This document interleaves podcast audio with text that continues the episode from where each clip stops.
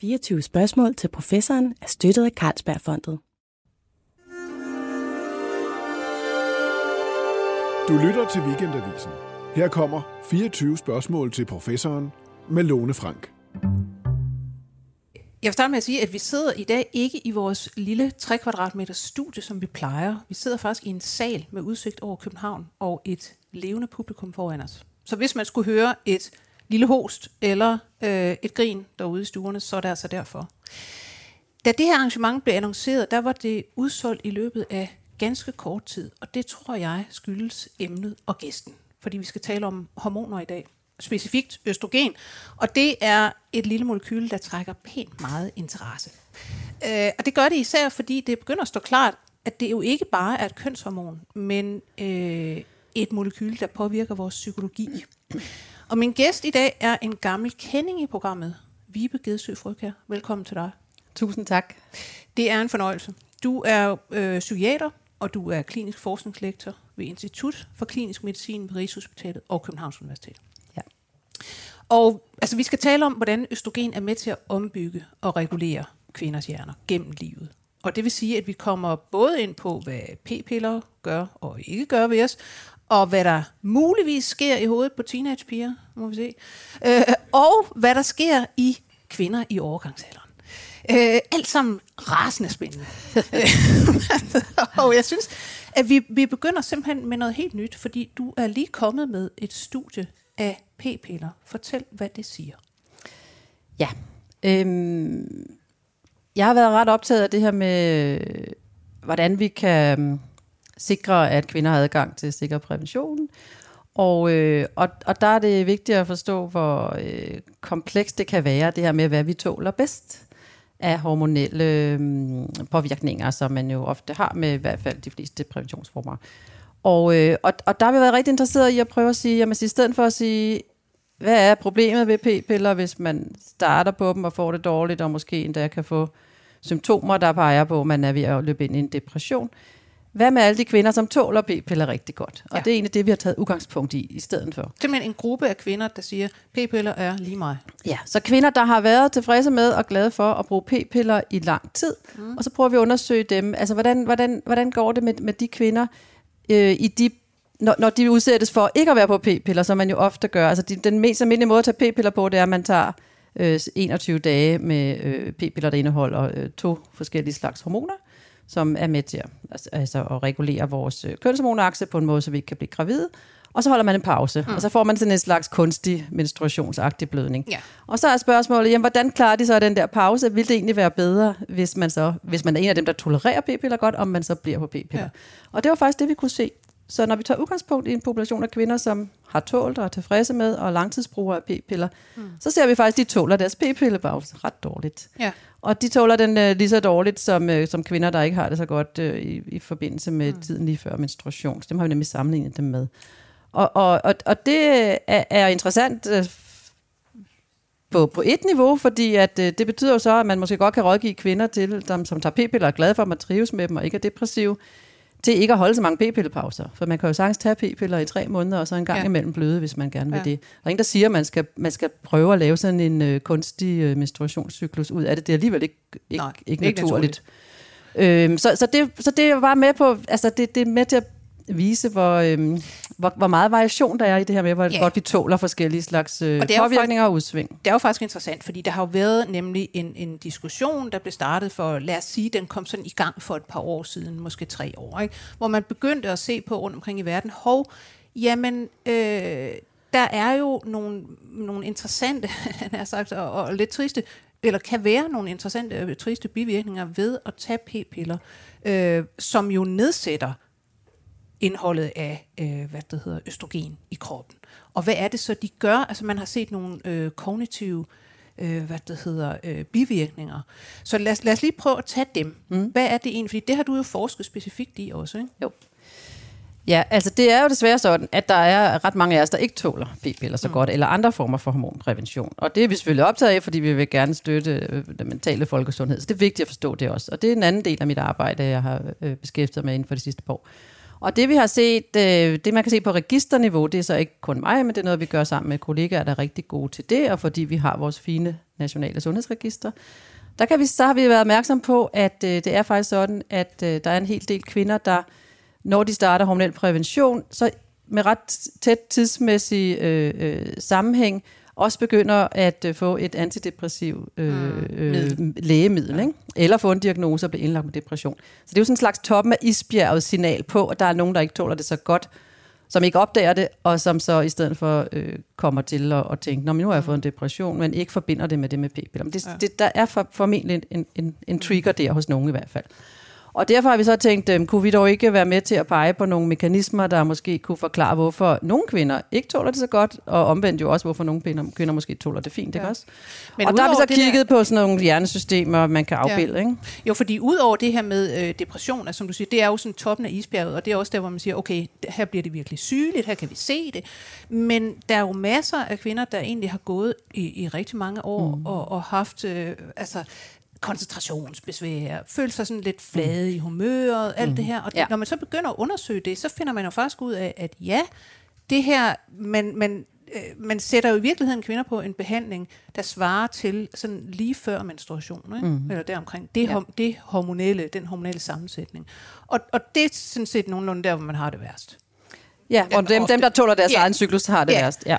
Og der kan man sige, at der er en hel masse subklinisk nedenunder det her, vi fanger registrene, ikke også? Ja. Og, og, men, men det subkliniske er altså så også ret facetteret, fordi nogen trives faktisk bedre på p-piller, det vil lige ja. være inde på, end på deres, end i de, på deres normale hormoncyklus. Ja. Men dem af os, der ikke trives så godt på p-piller, kan have mange og, og også vigtige subkliniske mm. symptomer på ubehag, og også, kan man sige... Øh, øh, nogle fænomener, som man ikke er interesseret i. Altså et af de gode eksempler er jo, at, at der er en hel del kvinder, som faktisk får nedsat adgang til glæde, øh, lyst og interesse herunder seksuel lyst, ja. når man er på p-piller. Og så er det jo ligesom en enorm kedelig præventionform, kan man sige. Så det er en helt, så er det en helt naturlig form for prævention, kan man sige? Ja, men altså. det er mere det der med, der kan være mange af de der... Altså, hvor, altså, det, det er jo vigtigt, at vi ved, at det findes sådan, så man kan reagere på ja. det som kvinde og som læge, der rådgiver kvinder.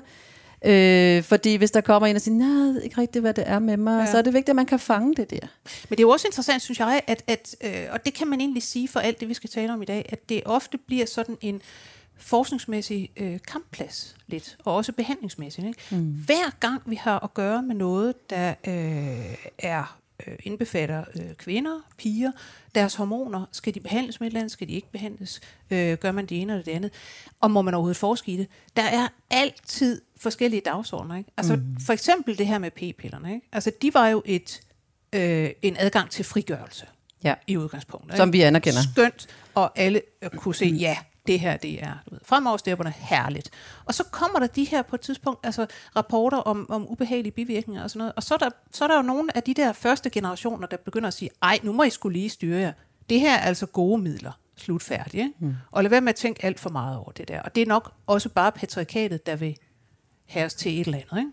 Det, det kommer man ofte ind i. Mm. Øhm, og jeg synes egentlig, hvis, hvis, vi, øh, hvis vi kigger lidt videre på det her med øh, naturlig cyklus, og hvordan man har det i den, så er en anden fantastisk kampplads gennem tiden, og en kampplads, hvor der stadigvæk øh, hvad det hedder, foregår slåskampe, det er jo øh, PMS, som det hed engang. Altså præmenstruel syndrom, øh, som jo, hvad skal man sige, kan bestå af alt muligt. Hvis man går ind og ser på, hvad der sådan er listet op af, af symptomer rundt omkring øh, på forskellige øh, lister, så er det sådan 150 stykker eller sådan noget. Så mm. lad os sige, at man kan have mange symptomer på PMS. Øhm, men igen, det er jo sådan et mega kontroversielt emne, eller har været det forskningsmæssigt. Mm. Altså det er sådan en, en, en tilstand, man begynder overhovedet at blive opmærksom på øh, i, øh, hvad det hedder, i gynækologiske kredse i altså 50'erne. Mm. Mm. Og så er det ellers en, hvad skal man sige, en meget svær ting fra 60'erne og fremover at forske i, fordi at der siger kvindefrigørelsen så og bevægelsen, det, det, det kan ikke passe. Det her, det er bare noget, mænd påstår. Altså, de vil gerne øh, have, at vi skal være svage på grund af vores hormoner osv. osv. Så, så det her findes ikke. Det er bare et kulturelt fænomen. Men øhm, det er det jo så ikke helt, vel? Altså, nu er der jo noget, der hedder PMDD. Ja. Som er hvad? PMDD er cyklisk optrædende, rigtig ubehagelige symptomer, som øh, på nogle måder minder om en øh, depression, kortvarigt, ret intens, som optræder øh, mere end halvdelen af cykli i løbet af et år, og som optræder øh, i dagene op til menstruation, kan man sige. Og, øh, og, og, og lige for at runde af det her med, mm. hvorfor har der været modstand, altså, og den side af det, synes jeg jo også, man kan give lidt energi, fordi det er naturligvis en provokerende tanke, hvis vi skal tænke på kvinder sådan per natur at være mere tilbøjelige til at blive øh, øh, ude af kurs psykisk og, og svage ja. og sådan noget. Og, og, og, og vi er også opmærksomme på, at, at vi har ikke lyst til at sygeliggøre en hel masse normale fluktuationer. Man har måske også lov til at være lidt irriteret i med nogle tidspunkter af måneden, ja. sammenlignet med andre. Der kan også være fordele ved det. Så det fagner vi også. Men så er der altså kvinder, som har det rigtig, rigtig skidt, og selvmordstanker, og ved at blive skilt, øh, rigtig ked af øh, konfliktniveauet ved deres børn en gang om måneden. Ikke også? Og, og, ja. og, og sådan skal man ikke have det. Nej. Og det er det, vi kalder PMDD. Og ja. det er altså en alvorlig tilstand, som, som, som, som kan i den grad godt betale sig at forstå bedre og behandle. Og det er jo faktisk en, en anerkendt psykiatrisk diagnose. Mm. Altså det er jo ikke, altså selvom mange steder er det jo sådan, at den hører sådan set under gynekologer mm. ofte. Og det er der jo altså også en del, der er utilfreds med, ikke? fordi det er sådan set ikke dem, der har særlig meget forstand øh, på det her. Men øh, prøv, at, prøv at beskrive, hvad det er for nogle. Du sidder jo og har patienter. Mm. Hvad, hvad kommer de med af, af symptomer og oplevelser øh, på det her? Ja, men de kommer og, og fortæller, at de ryger ned i nogle øh, øh meget hurtigt indtrædende, øh, øh, dybt triste, irritable tilstanden, hvor de simpelthen kan netop have selvmordstanker hver eneste måned. Det er hjemme mm. væk rigtig meget, ikke også? Oh. Og, og, og konfl- især er det sådan noget med irritabilitet og konfliktniveau kan være rigtig højt. Ja. Så kommer de ofte, øh, når de ligesom har stiftet familie og børn og parforhold, og ikke bare kan tjekke ud øh, en uge om måneden, uden at genere så mange mennesker på en eller anden måde. Ja. Måske lidt øh, provokerende sagt. Men altså, kommer, når det begynder at blive et, når det begynder at blive et problem, og det kan ofte være, øh, når, når der begynder at være familie og børn ombord, hvor man tænker, ej, jeg kan ikke bare... Men det er typisk øh, noget, man så har haft, altså eventuelt helt fra ungdommen? Ja, der er mange, der har haft det, og så er det ligesom har været nemmere at takle et stykke tid, og så begynder det, kan, kan det begynde at blive sværere. sværere. Det kan også være, de først ligesom rigtig egentlig forstår det på det tidspunkt. Mm. Øh, og det kan jo også være, at det bliver værre. Ja. Altså, der er jo noget, der peger på, også hvis man har haft en hel del små depressive episoder, så kan der godt blive, ja. blive en forværing sådan over tid.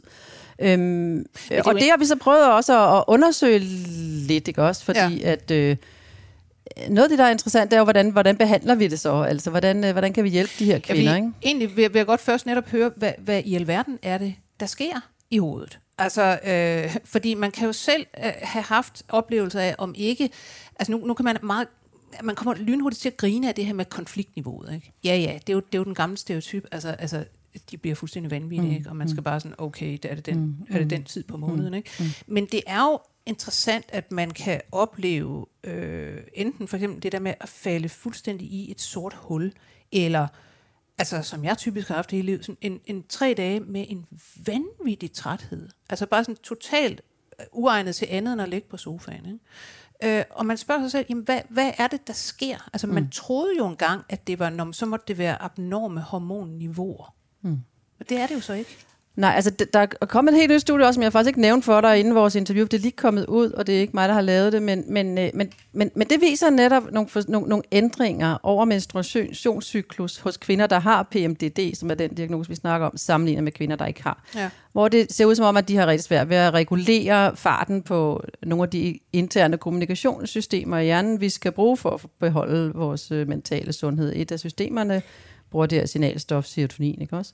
Og, og, og, og det, det, de kan se på det studie, det er, øh, at, øh, at, at, at bremsen i serotoninsystemet bliver skruet op ja. hos dem, som, øh, som, som har PMDD. Det vil sige, der er altså et eller andet med, at, at, at, at der er mindre, de regulerende molekyler... serotonin i, i, hvad skal man sige, flydende der, i der, der, der er mindre hul igennem i serotoninsystemet, og mindre at, altså adgang til det synaptiske serotonin. Ja.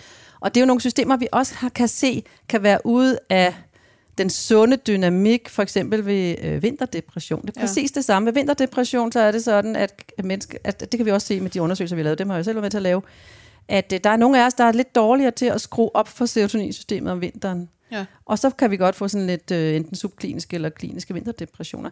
Så den her dynamik i, at vi skruer op og ned for det her serotoninsystem på en dynamisk måde, når der er brug for det, den er rigtig vigtig for sundhed. Mm. Og det kan også se ud som om, at, at kvinder med PMDD har ikke rigt, altså ligesom ikke adapterer på den En rigtig på, måde. på en rigtig de har måde. En, en abnorm reaktion, kan man sige, Ja. ja. på normale hormonniveauer. Ja, og det, det, der er noget, der peger på, at det kan godt være, at der er nogle bestemte øh, hormoner, der tilhører progesteronfamilien, og de omsætningsprodukter og nedbrydningsprodukter, kroppen laver, som også kan være biologisk aktive, eller er biologisk aktiv, at der er noget med, med det, som, som hvor følsomheden er, er forskubbet. Og der er også nogle andre studier, der peger i den retning, fordi man kan godt med nogle bestemte lægemidler blokere nogle af de modtagere i hjernen, som skal lytte på progesteronsignaler.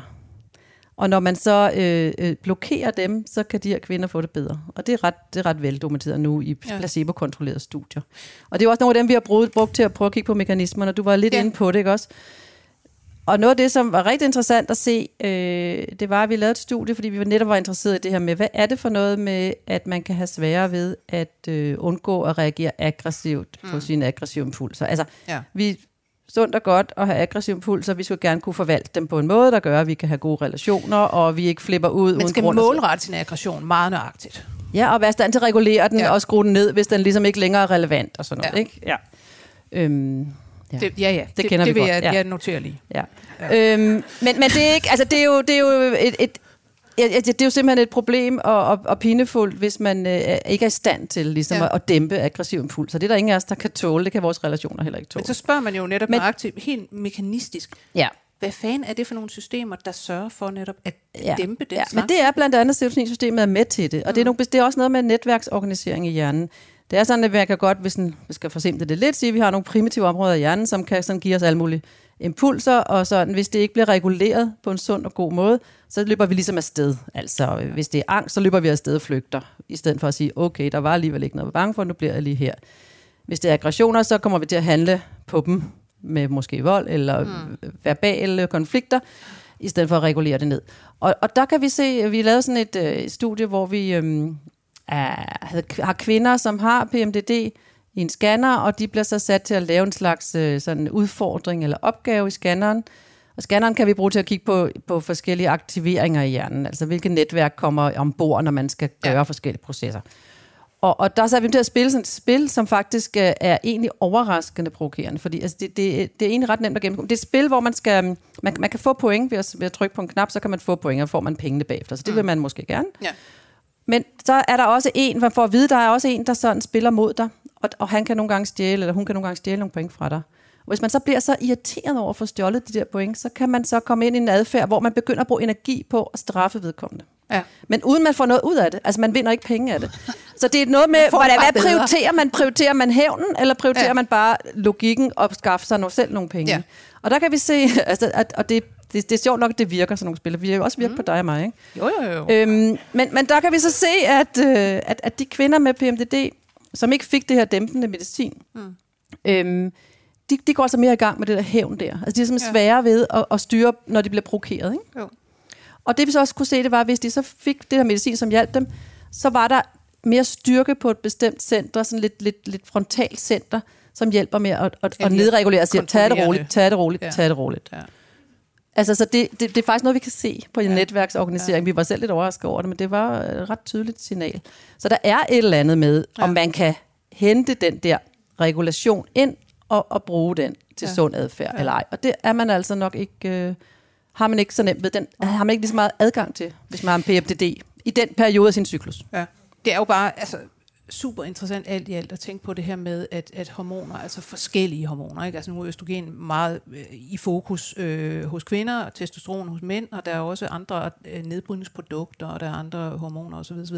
Hvor meget de kan gå ind og, om jeg så må sige, altså øh, rykke ved mm. hjernens øvrige balancer eller dynamikker mm. og så videre, og så videre. Ikke? Mm. Og det er vel stadigvæk systemer, hvor man må sige, det er langt fra opklaret hvordan det i virkeligheden øh, foregår, og hvor meget der indgår i det her. Og netop hele det der, øh, hvad skal man sige, individuelle. Mm. Altså, hvor forskellige vi er. Mm. Jo, og hvordan også øh, oplevelser, epigenetiske fænomener, ting, der er sket tidligt i livet, kan også være med til at prime det. Ja. Altså, det er jo også lidt interessant. Ja. Så nogle af det, altså steroidhormoner, øh, det ved nogle af jer, der er biologisk interesseret, er, er, er jo ligesom sådan nogle, der kan gå helt dybt ind og, og, og ændre ved nogle af de dybeste funktioner i alle vores celler. Ikke? Også det kan gå ind og sætte sig på DNA'et og, og, og, og tvinge dele af DNA'et til at blive oversat, og andre dele af DNA'et til ikke at blive oversat. Så det er jo sådan nogle, altså de virkelig potente stoffer, ikke også? Ja.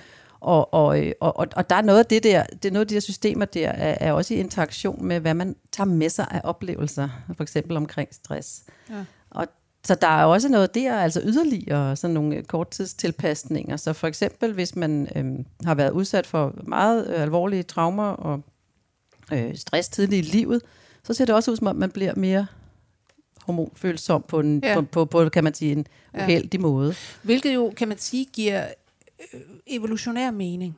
Fordi hvis man fødes ind i en eller anden situation, mm. som ligesom siger til en, okay, livet bliver vanskeligt, mm. øh, der er stress på her, Ja. så skal man kunne reagere på det. Ikke? Ja. Så er det måske udmærket at have lidt mere kort lunde, ikke? Ja, altså ja, og så kan det jo så være så ærgerligt, at man faktisk øh, vokser ind i en verden, hvor der slet ikke er brug for det. Ja. Og så er det bare sådan, så virker det helt overflødigt. Ikke? Ja. Men, men meget af det her er jo netop, altså, når jeg tænker på øh, det evolutionære i det her nogle gange, ikke? fordi som biolog, der sidder man altid og tænker, altså, hvad, hvad er fordelene ved det mm. her? Ikke? Altså, og der kan jeg kun sige, altså, at, at sådan noget som, som øh, PMS, øh, PMDD, nu rammer PMDD jo ikke så mange, nogle procent, ikke? Ja. men altså PMS-symptomer, som man siger, det har stort set 80-90 procent af kvinder af forskellige mm. slags. Ikke? Og det er altså hver uge i 100 år, havde han sagt. Ikke? Altså, og man tænker, hvorfor? Hvorfor er det her system evolveret frem? Altså, mm. jeg kan simpelthen ikke, jeg kan ikke få det ind i hovedet. Nej. Men altså, der kan godt være noget med, at, at, at de ulemper, der kan være i visse dele af cyklus, ikke, ikke meningsfyldt kan skilles ad fra fordele i andre dele af cyklus. Ja. Ja. Altså det, at man skal kunne for eksempel omkring ægløsning, være gladere, mere seksuelt udadvendt, øh, øh, have en større øh, pytknap, øh, mere ja. social og sådan noget. Det hele taget bare det, det, bedre menneske. Ja, ja, ja eller mere udadvendt menneske ja. i hvert fald, ikke? øh, ja, have mere adgang til lyst og motivation mm. og sådan noget. Så, så hvis man gerne vil have den følsomhed, så ja. kan det godt være, at den ligesom kommer med den pris, at der også kan være simpelthen en anden en i en den anden ende. på en eller anden måde. Ja, eller Kan at, at, ja, det koster noget. Ja. Ja. Og at være dynamisk, så koster det både så koster det begge ender. Og Ja. det kan godt være, at det sådan netto kan være en fordel. Nok ikke for dem, der har PMDD, Nej. Men det er jo så måske cirka 5 procent, øh, der kan falde ind i sådan, hvad ved Ja. jeg, det kommer an på, hvordan man diagnostiserer det. Men, men, men så er der jo de 95 procent andre, Ja. Hvor det måske er en klar fordel at være i stand til at og, øh, øh, ja, placere sin udadvendthed og, og, og sådan på rigtig gode tidspunkter i sin cyklus. Ikke? Men jeg, sy- jeg synes virkelig, når, altså, når jeg nogle gange tænker over det, altså selve det i det hele taget, at, at, altså, at kvinder har den der menstruation, de har. Altså med det store blodtab, og så videre, så videre. Det er jo faktisk også, igen, hvis man kigger på det, altså ud i, i det biologiske landskab, mm. der er jo ingen andre dyr, der, der, der har det der. Mm, mm. Altså, det er en lille smule hos en hund, ikke? Og det, altså, øh, mm. det, det er næsten ingenting, men, men mennesker mm. har det der forbandet blodtab. Mm. Altså, og man tænker, det er da helt åndssvagt, det her.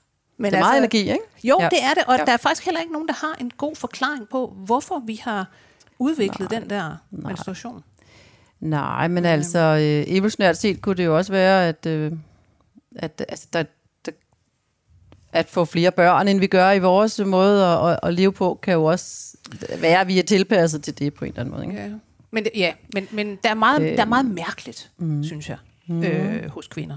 Altså mul- også ja. hos mænd, men, men der er også ja. meget mærkeligt hos kvinder. Det er der altså virkelig. Men det er jo også fascinerende, at vi har en hjerne, der kan klare det der. Altså langt de fleste Ja. af os øh, går det jo meget godt med. Og, og, og det vil sige, at vi har jo også, øh, der er jo også noget, noget stor robusthed. Altså klare ja. Ja. alle de der øh, ja. Ja.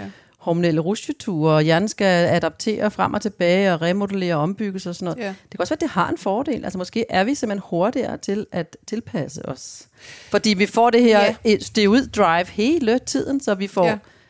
Virkelig chance for at adaptere og, ja. Og ombygge os. Altså det, Og det er jo, det, man kan sige, det er jo sådan en sjov, lang cyklus, vi har, hvor, hvor mænds, øh, de har jo sådan en daglig, kan man sige, testosteroncyklus, ikke? Op og ned, op og ned.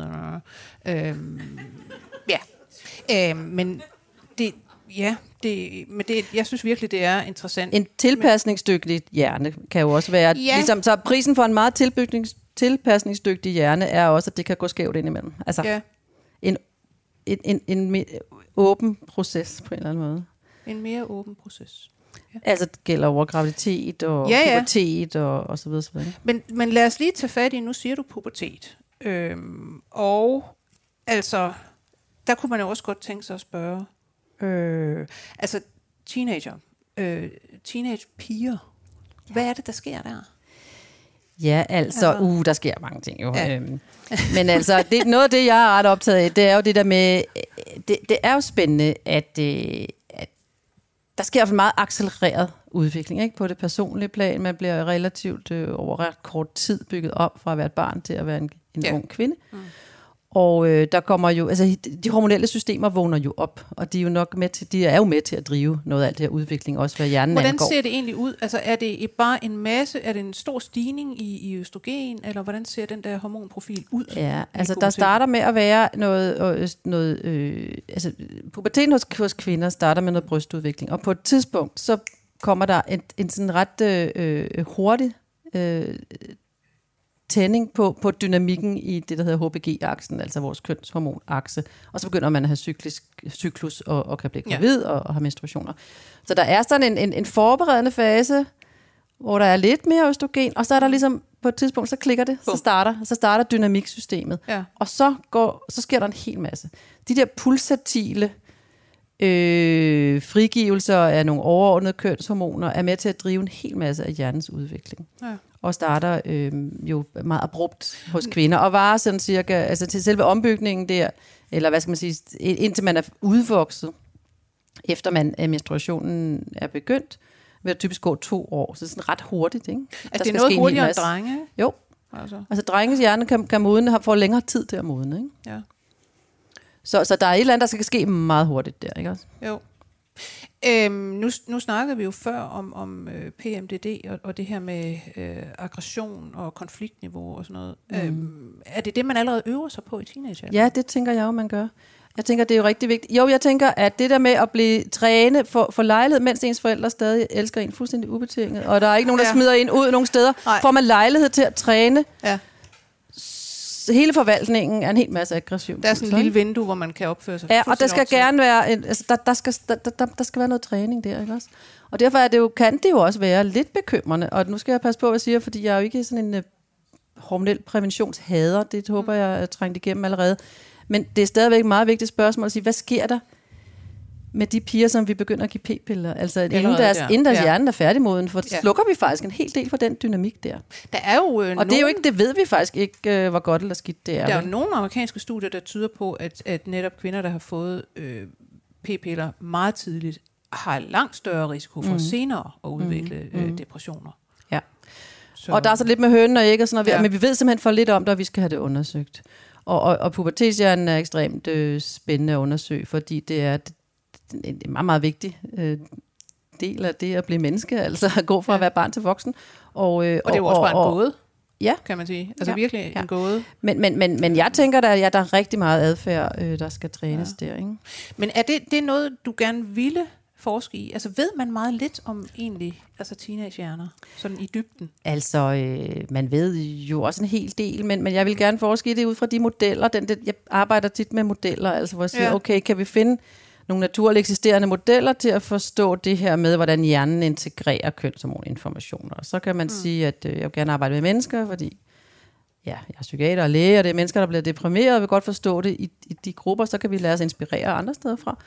Øh, og, og der er det der med p-piller bare en, en rigtig god model, fordi der er så mange, eller i hele taget hormonel prævention. Ja. Jo cirka halvdelen, måske nu lidt mindre, men cirka halvdelen af alle øh, kvinder i fertil alder, der bruger det. Så vi har jo rigtig, Okay. meget, vi har rigtig mange mennesker, vi kan invitere med til at undersøge det her, som også har en Ja. egen interesse i det. Ikke? Og så er det pludselig jo. også ret fint etisk, kan man sige. Og der vil jeg bare sige, det er et vigtigt spørgsmål at finde ud af, fordi det kan godt være, at det er noget helt andet at begynde at gribe ind i sin kønshormondynamik, når hjernen er færdigvokset, Ja. end når den ikke er. Og det ved vi for lidt om. Altså, vi, vi, vi, Ja. ja. Der er ikke nogen gode studier af, hvad p-piller øh, øh, gør øh, hos øh, helt unge kvinder. Og nu er det jo sådan, altså, at der er jo en hel del unge kvinder, som faktisk starter på p-piller, uden at, have et, øh, uden at være seksuelt aktiv, for eksempel.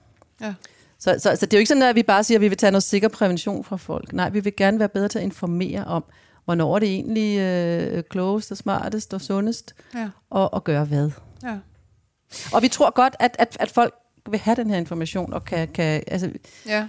Men igen, altså handler det jo om, som, som du også startede med at sige, at øh, altså, vi har jo sådan en eller anden forkærlighed for, at, at vi skal have noget information, og så skal det gerne være enten sort-hvidt. Ikke? Du skal aldrig nogensinde tage p-piller, det er skadeligt fordi, eller mm. det skal du endelig gøre fordi. Mm. Og det bliver vel mere og mere i retningen af, at man bliver nødt til at se på, jamen, hvem er lige præcis du?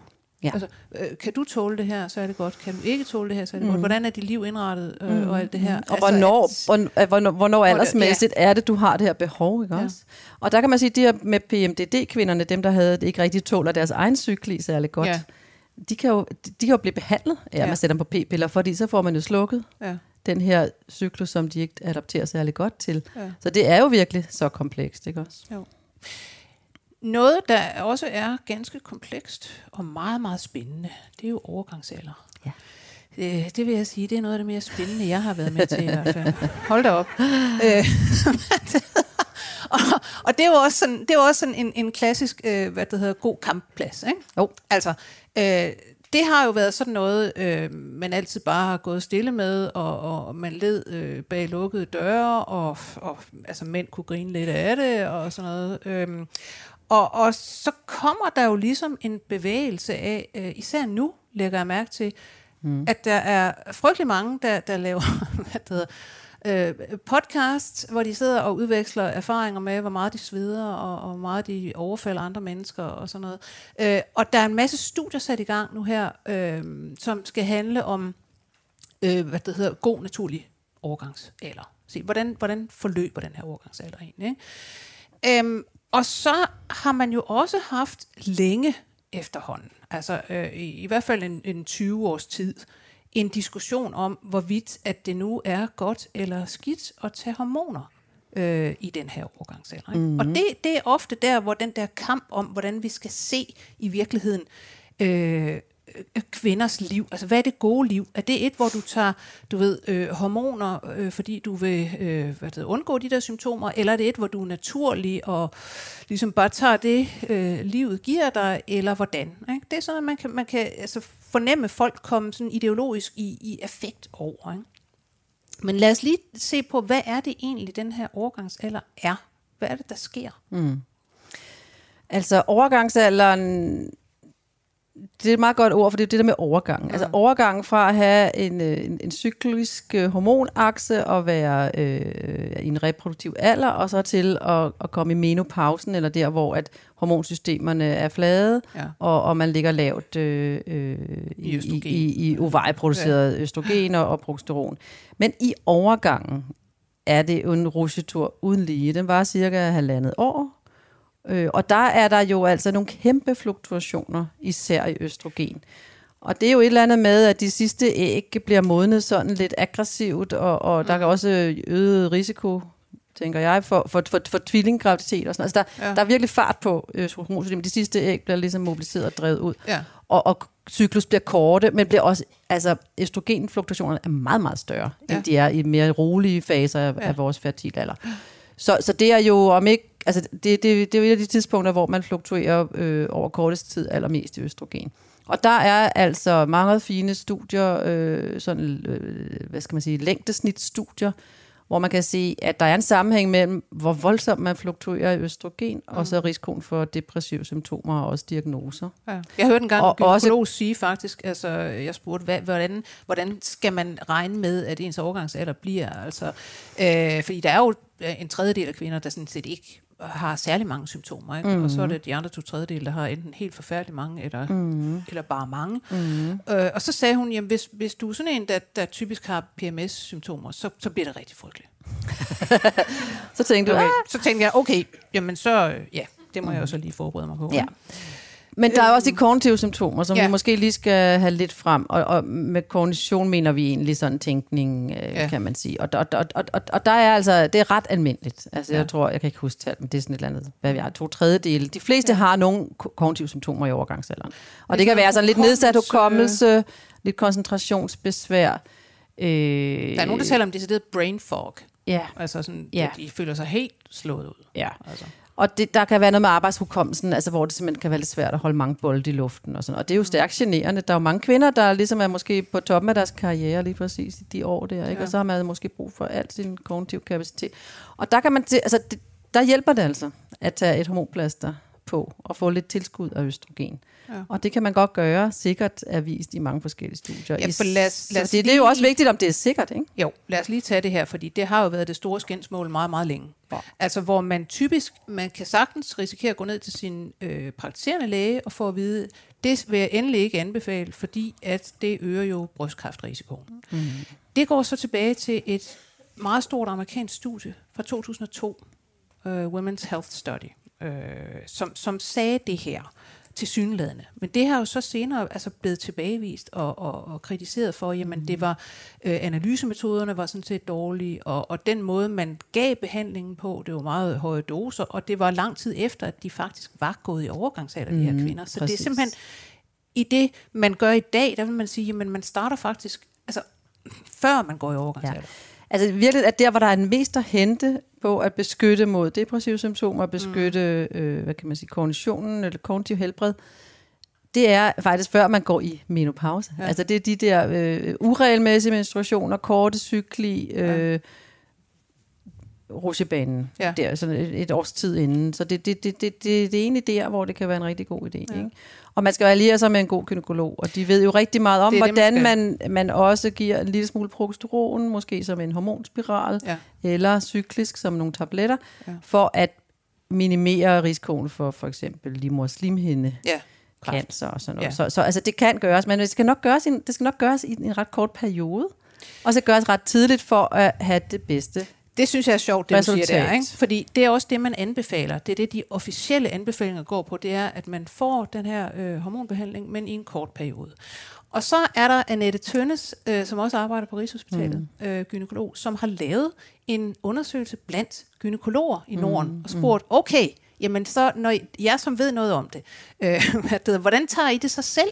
Der viser det sig, at øh, 80% af dem, de øh, tager hormoner, 80% af de kvindelige gynekologer, og de tager det længe. Altså mm. det vil sige mm. i mange år. Mm. Og det er jo, altså det plejer jeg altid at gå efter. Det. Jeg spørger, mm. altså du ved, jamen, hvad skal man gøre? Jamen spørg dem, mm. der, der mm. arbejder med det, hvad gør de selv? Mm.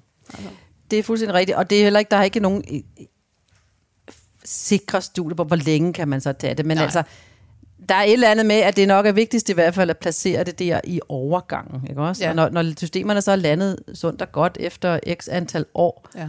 så kan det godt være, at det ikke dels er så vigtigt længere, og, og, og der er også mås- ja, vi ved ikke helt øh, langtids, langtidseffekterne. Nej. Der er kommet nogle studier nu, som faktisk har været øh, øh, lidt svære at fortolke, og, og som måske har gjort nogen øh, unødigt forskræk. Altså, der er kommet nogle registerstudier, som peger på, at kvinder, der bruger øh, hormonel, øh, det hedder replacement therapy, hvad hedder det? Altså, til, altså sådan substitutionsbehandling, hormonterapi, ja. ja, hormonterapi i overgangsalderen, øh, også øh, oftere har nogle fænomener, som peger i retning af demenssygdom senere i livet.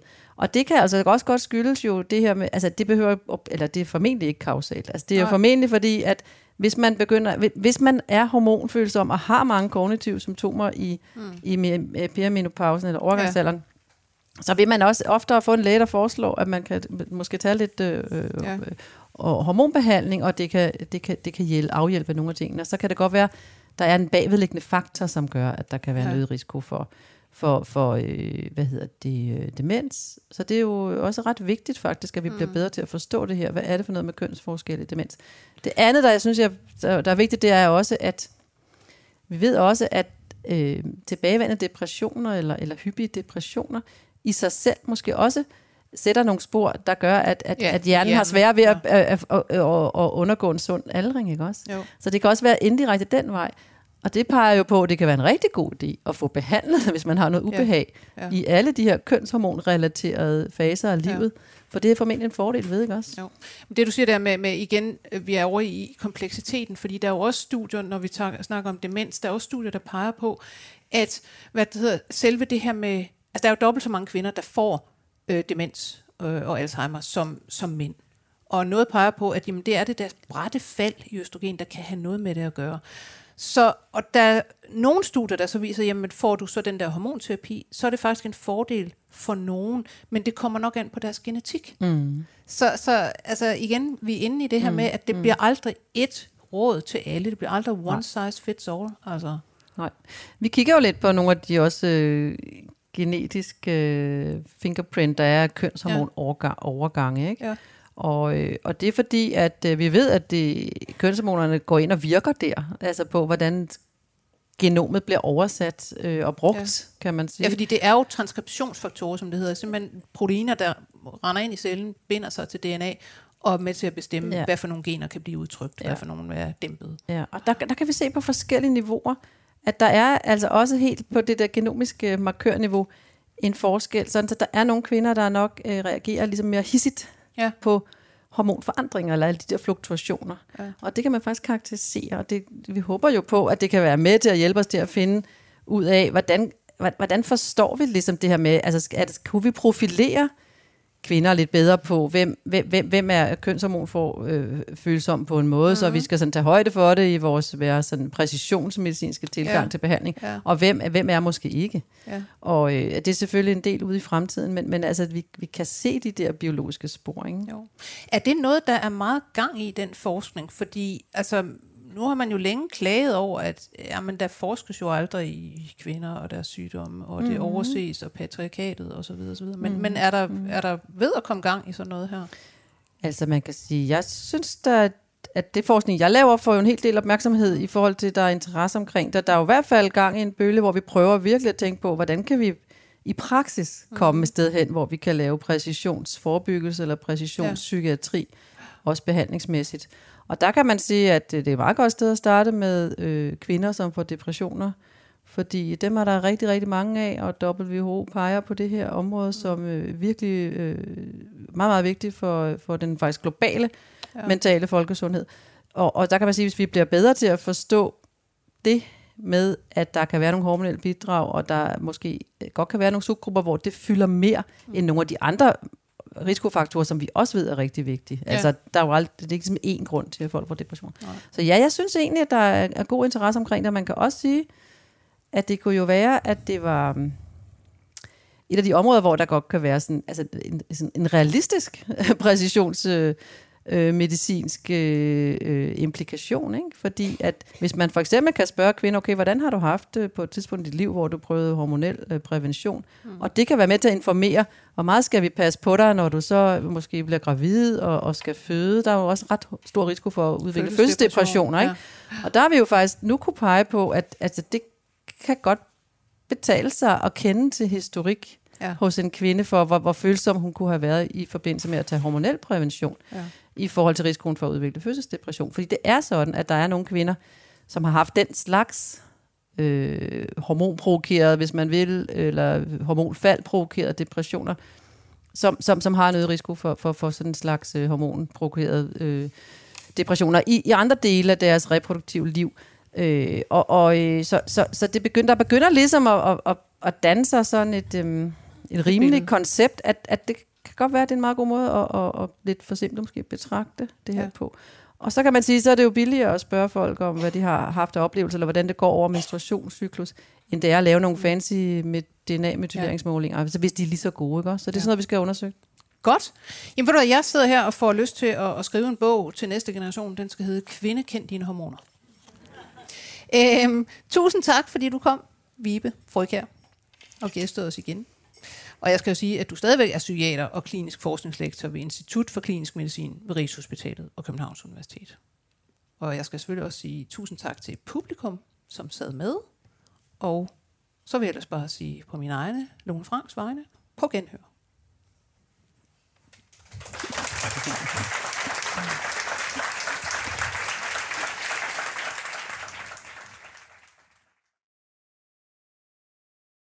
24 spørgsmål til professoren er støttet af Carlsbergfondet.